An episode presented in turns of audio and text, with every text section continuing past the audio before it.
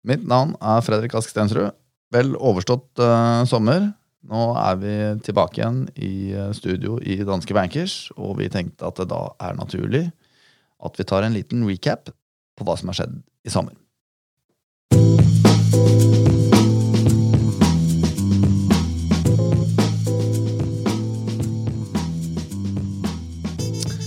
Jeg har som vanlig med meg vår sjefstrateg Anders Johansen. Velkommen, Anders. Tusen takk. Har du hatt en bra sommer? Veldig bra, syns jeg. Ja. Det har jo vært eh, fint vær for de som eh, har kommet seg ned på Sørlandet. Ja, det har vært eh, veldig bra hvis vi er eh, syd for Dovrefjell, tror jeg. Men lenger nord har det nok vært eh, litt kaldere og mer, vei- mer regn, så vidt jeg skjønner. Men vi driver jo ikke og snakker om hyggelige ting i det rommet her, så eh, jeg tenkte at eh, før sommeren så hadde vi jo en gjennomgang, og da fokuserte vi litt på eh, kanskje de tre største overraskelsene da, hittil i år. Eh, og det var eh, veldig høy inflasjon, som jo ikke er uaktuelt å snakke om i dag heller, og at sentralbankene kanskje henger litt etter. Eh, vi snakket litt om krigen i Ukraina, og til slutt så snakket vi om at aksjer hadde hadde klart seg overraskende bra, da, til tross for de litt utfordrende bakteppet der. Så jeg tenkte kanskje vi kunne fortsette å se på markedet gjennom den linsen der. Jeg syns det høres ut som en eh, god idé. Så vi tar bare og, og går gjennom på akkurat samme måte. Vi snakker om inflasjon og stigende renter. Tar vi litt om status på krig og kanskje geopolitikk. Og så avslutter vi med avkastning på aksjer og, og noen andre klasser. Det er helt nydelig. Eh, to dager etter den forrige sendingen vår, som var 13. juni, så, um, så var det et møte i den amerikanske sentralbanken, og da satte de opp renta faktisk med 0,75% Og det er jo fort tre ganger mer enn det som eh, er vanlig av gangen, da. Eh, hva er det som har skjedd siden det? Ja, Det stemmer. Det var et uh, veldig spesielt sentralbankmøte der. Jeg tror nesten det var så spesielt at vi må ta litt om det aller først. Uh, fordi fredagen før vår forrige podkast, som jo da var en mandag 13., og sentralbanken i, eh, i USA har alltid rentemøter, eller eh, kommer pressekonferansen i hvert fall på onsdager. Så denne mandagen, eh, det var da etter en fredag, og på fredagen kom det veldig høye inflasjonstall i USA, men også kom det et tall som viste at forventningen til inflasjonen i befolkningen var stigende. Og det gjorde faktisk at det ble litt sånn panikk i, i Fed, sentralbanken i USA altså. Så de, de eh, gikk til det steget at de gikk bort fra sin opprinnelige plan og sette opp eh, renten med 0,5% som jo eh, da er to ganger det vanlige renteoppet, og skulle sette den opp med 0,75. Og det var jo ikke i nærheten av prisene i markedet. De var redde for hva som ville skje i markedet, så de lekket da angivelig dette via en kilde i Wall Street Journal og kom ut en artikkel på mandagen der. Og øh, rentene steg kraftig mandag og tirsdag, og aksjer falt tilsvarende. Eh, og det mm, var faktisk foreløpig rentetoppen, og også da bunnen i aksjemarkedet. For etter det så har egentlig de lange rentene kommet en del ned igjen, og øh, øh, aksjene har steget. Ja, eh, De lange rentene, sier du. Det er jo en del av oss som har fått på litt av livets vann fra Provence i sommer. Det kan være greit å ta en liten recap. Hva, hva, er, det, hva er forskjellen på lange og korte renter? Ja, det er bra du, det er bra du sier fra. Jeg er litt, uh, li, litt skada av, uh, av miljøet der. Men i markedet så snakker vi ofte om en rentekurve.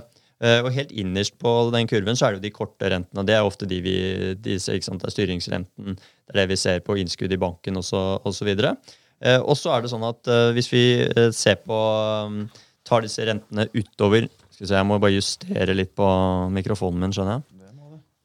Sånn. Nå hører du meg. Nå er det nydelig. Beklager.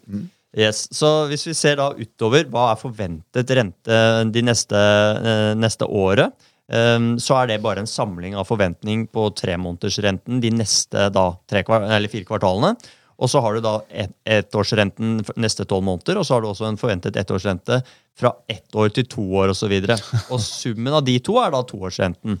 Og sånn er det helt ut til ti år, og snittet da den, av den forventede ettårsrenten i ti år, det er da tiårsrenten. Eh, og når du da ser på ettårsrente, toårsrente, treårsrente osv., så, videre, så kaller vi det en rentekurve.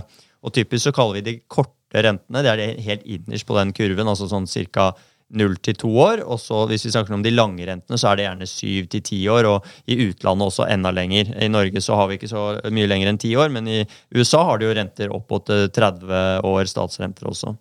Og I tillegg så er det jo sånn at vi har, eh, Vi har um, forskjellige rentekurver. for Vi har den vi typisk snakker om, det er statsrenten. Altså hvor kan statene låne penger. Men vi har også rentekurver for, for forskjellige kredittkvaliteter. Men typisk når jeg snakker om renten her nå, så er det alltid statsrentene jeg snakker om. Ok, Det er godt. Da fikk vi oppklart det. Eh, du fortalte at korte og lange renter har falt i sommer. Ja, og, og, grunnen til det er jo rett og slett at makrotallene, altså eh, litt statusen på hvordan det går i økonomien både i USA og andre steder, har vært, eh, de har vært svake. Dvs. Si at det går, eh, veksten er lavere. Og når veksten er lavere, så faller jo også eh, rentene. Så det som er litt spesielt nå, er jo faktisk at det forventes at rentene settes opp ut eh, år i år i USA.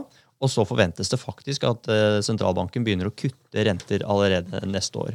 Og etter hvert som det har kommet inn tall på at det går dårligere og dårligere i økonomien, så har de forventningene til at rentene der ute skal komme ned. Men også faktisk hvor rentetoppen er. Den, de forventningene har også falt. Så det har vært en sånn litt uh, stemning hvor bad news is good news, som vi sier det. Dvs. Si at uh, dårlige tall egentlig fra økonomien har vært positiv for aksjer. For rentene har falt, uh, og aksjer har steget. Og så kommer det jo da mm, nye inflasjonstall i USA i ettermiddag klokken 14.30. Eh, og det, når denne slippes, så er jo det da, i, i, går. Men likevel, vi vet ikke hva de tallene er i dag. Men det kommer til å bli veldig spennende. For det sier mye hva, om, hva Fed kommer til å gjøre fremover. For de har jo nå gått helt bort fra det de kaller forward guidance. De sier egentlig ikke så veldig mye om hva de tenker fremover. De sier at vi er 100% data dependent, kommer til å avhenge av hva som skjer akkurat nå. Men eh, før disse tallene kommer, så tror markedet at Fed kommer til å sette opp en ny runde med 0,75. Og da har de også gjort det en gang i sommer. Så det er faktisk tredje gang med, med trippel rentehopp. Det tror jeg aldri har skjedd før. Ja, ok. Ja, det, det, er heftig. Men, eh, men, det har jo stort sett vært uh, fine markeder gjennom sommeren. Uh, hvordan har det geopolitiske sett ut? Jo, eh, der er det jo sånn at um, hvis vi ser på krigen i Russland og Ukraina, da, så går jo fremrykningen til Russland fortsatt veldig sakte. Og, men den store utviklingen der det har jo vært uh, det som skjer egentlig på, på, ting som påvirker oss i større grad. Det er energipriser. Og denne Nord Stream 1-rørledningen, som jo da frakter gass fra Russland til Tyskland, den har vært nede for vedlikehold i, i juli. Det er den hvert år. Men nå er den bare tilbake med 20 Eh, og den skulle vært tilbake med mer. Og så er jo selvfølgelig spekulasjonen er dette russerne som, som uh, sier at de, uh, at de har dårlige unnskyldninger på at de ikke har fått tilbake en turbin fra vedlikehold, eller gjør de dette med vilje for at ikke da Europa skal få opp igjen gasslagrene sine før, før vinteren. Men i hvert fall så er det sånn nå at gassprisene, som har svingt veldig mye i løpet av året, de er nå tilbake på de aller høyeste nivåene vi har sett. Og de er 150% høyere enn hva vi så i midten av juni. altså forrige gang vi snakket sammen. Så dette er jo vanvittig, vanvittig høye tall. Og hvis vi syns det er høye strømpriser på Østlandet, så er det jo enda høyere da i, i Europa, fordi det er jo de strømprisene fra Europa som smitter inn til eh, Norge, eller Sør-Norge. Så, så, det er litt status i Russland og Ukraina-konflikten. Eh, og så er det jo da blusset opp en annen uh, usikkerhet der ute, og det er jo denne Eh, forholdet mellom USA og Kina. Og som Hvis vi hopper tilbake to og et halvt år, til rett før korona, januar 2020, så var den store usikkerheten vår egentlig eh, denne handelskrigen mellom USA og Kina. Og I forrige uke så var da Nancy Pelosi, som er speaker of the house, som det så fint heter, hun er den tredje høyest rangerte politikeren i USA, hun besøkte Taiwan, til tross for at hun var advart mot dette. Så gjorde hun det likevel. Eh, og det medførte jo at eh, kineserne iverksatte en stor, en stor, stor, stor militærøvelse rundt Taiwan, der de bl.a. skjøt med missiler både eh, på, på begge sider over Taiwan. Um, og av de ekspertene som følger dette forholdet tettest, så sier de at USA og Kina, forholdet dem imellom, er på det dårligste siden det har vært siden 1996. da. Så denne konflikten har jo virkelig blusset opp igjen, og, og det er tydeligvis ikke helt uh, usannsynlig nå heller at det, skal, at det faktisk kan bli en, en, krig mellom disse to landene. Og så tør ikke jeg i eh, fare for, eller med, med jeg vi husker litt for godt hva vi snakket om rett i forkant av eh, Ukraina-konflikten. hvor vi sa at det er lite sannsynlig at russerne faktisk gjør det. Eh, så jeg tør ikke nå si at det er lite sannsynlig, men, men fortsatt så, så, tror vi og håper at den gjensidige økonomiske avhengigheten dem imellom er stor nok til at det ikke blir eh, noen konflikter. Men i går så, Eller en, en, en skarp konflikt, da. Men i går snakket vi med en, en, en hva heter det, strateg fra Kina. Eller hun, hun bor ikke i Kina, men hun er kinesisk. Som hadde lest mye kinesiske nyheter i løpet av de siste ukene. Og hun sa at det er ganske sterke krefter i Kina som, som ønsker at det skal bli en konflikt også. Så dette er veldig veldig tøft. Og dessverre så tror jeg at eh, de neste både 5, 10, 15, 20 årene kommer til å være mye sterkere påvirket av det geopolitiske usikkerheten. Sånn som vi ser nå, og sånn som vi for så vidt også så da frem til 1991, når eh, Sovjetunionen ble oppløst.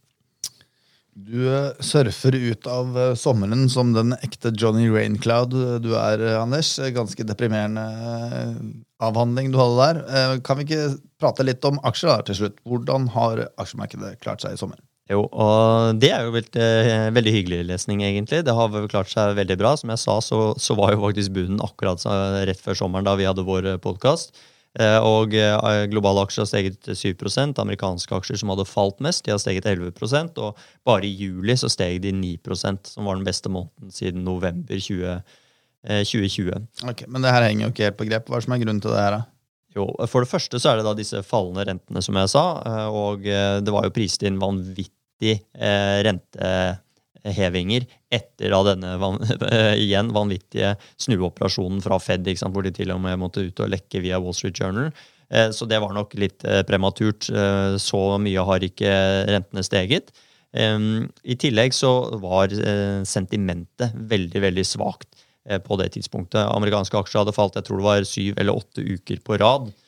Og det, Forrige gang det skjedde, var under finanskrisen. og Det er et typisk tegn på at da, liksom, da, er det mange som har uh, mistet all tro på, på, hva aksjer skal gi, og man kapitulerer litt. Og da er det vanlig at vi får en, en rekyl. da. Som kanskje husker, Fredrik, så var det jo sånn at USA på det tidspunktet, eller for så vidt fortsatt, da, vi har ikke kommet ut av det, men var inne i et såkalt bear-marked, hvor aksjemarkedet faller mer enn 20 og i alle bear-markeder så er det vanlig at det kommer rekyler. Dvs. Si at aksjene kommer ganske mye opp igjen. Så vi, vi, hadde jo egentlig ventet at det skulle komme et eh, sånt bear market rally, og det har det nå også gjort. I den tekniske verden så kalles det dead cat bounce.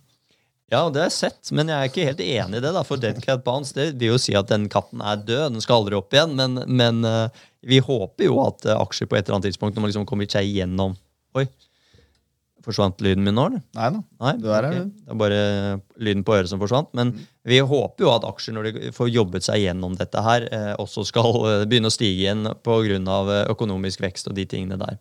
Så, mm, så, det er Så ja, jeg håper ikke det er en dead cat bounce, Nei, men i hvert fall at det, er en, at det er en bear market rally. Når det er sagt, så tror vi at det kommer til å fortsette å være mye svingninger fremover. Det er fortsatt stor usikkerhet. Det er en stor diskusjon der ute om USA er i resesjon eller ikke. Eh, de har jo hatt to kvartaler med negativ BNP-vekst. Eh, mange kaller det en resesjon, men det, de gjør nok ikke ekspertene som har jobben med å fastsette om det er en resesjon eller ikke, som er et, en organisasjon som heter NBER i USA. De har et bredere definisjon. Men likevel, vi, vi, er på en måte på kanten av en resesjon i USA, eh, og Europa er definitivt på vei inn i en resesjon. Så det er mye usikkerhet, og vi tror det kommer til å, å, å fortsette å svinge opp og ned. Hvis vi bare tar kort avslutning på Oslo Børs, så har jo ikke Oslo Børs vært like bra som resten av verden eh, i sommer. Og det skyldes jo at eh, de hadde klart seg veldig veldig bra i forkant fordi oljeprisen var så høy. I tillegg så har jo oljeprisene kommet en del ned igjen. Nå er oljeprisen svinger litt rundt 92-93 dollar eh, fatet. Eh, og det er jo faktisk på samme nivå hvor vi var før krigen startet. Og det er jo bl.a. lavere vekst i verden. Eh, det er lav etterspørsel i Kina pga. koronanedstengninger koronanedstengning og de tingene der. Og også en diskusjon om det er eh, snart en, en atomavtale på vei mellom USA og Iran, som gjør at, at den iranske produksjonen kommer ut, i hvert fall i det, i det åpne markedet. De har, nok, de har, nok, fått ut en del før også, men, men i, i, større grad enn hva tidligere har hatt. Ja, Vanligvis pleier jeg å eh, oppsummere for oss, Anders, men eh, det var så deprimerende alt du kom med nå, så tenker jeg at det kan du faktisk gjøre selv. Ja, tusen takk eh, for det. Og hvis jeg skulle trekke fram én positiv ting her, kanskje, da, så, så, er jo det at vi håper at inflasjonen nå snart topper ut. Og, og da hadde det jo vært gøy hvis vi kunne sagt at de norske inflasjonstallene som kom her på morgenen, hadde vært positive. Men nå var det dessverre de Der også ble vi overrasket over at inflasjonen var høyere enn enn forventet, ganske mye høyere. Eh, delvis skyldes nok det at vi har hatt eh, en ganske svak norsk krone, som jo gjør at alt vi importerer, blir dyrere. Men, eh, men i ettermiddag kommer jo også amerikanske inflasjonstall. Og er vi litt heldige, nå syns jeg vi fortjener å, å, være litt heldige, så, kan vi se tegn til der at inflasjonen er på vei ned. Ok, Så la meg bare oppsummere kjapt hva vi snakket om.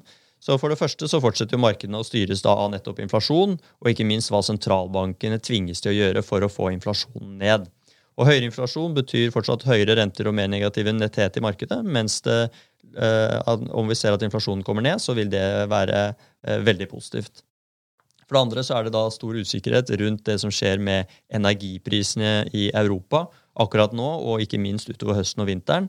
Og Det legger en betydelig demper på veksten i, i, den regionen. og I tillegg så har vi jo da fått økt uh, geopolitisk usikkerhet med denne, usikre, denne spente stemningen mellom USA og Kina, og uh, Taiwan spesielt. da.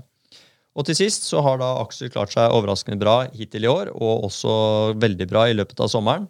Og Det skyldes da delvis at avkastningen på obligasjoner uh, har vært svak pga. stigende renter, og samtidig at aksjemarkedet jo ofte um, er mer positivt uh, Tenker mer positivt, rett og slett. Så de, man prøver jo her hele tiden å se rundt neste hjørne og, og tro fortsatt at uh, USA klarer seg uten en dyp resesjon, og sånn sett klarer å beholde det positive mindsettet.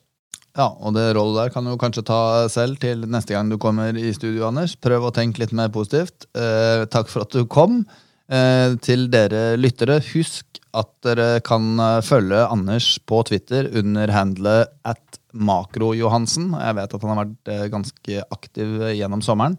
Og hvis dere har spørsmål til redaksjonen, så kan dere sende det direkte til han der. Eller så kan dere også søke opp meg på at Ask Stensrud på Twitter og sende inn spørsmål eller ønsker om temaet du mener at jeg og Anders bør dekke her i Bankers fremover.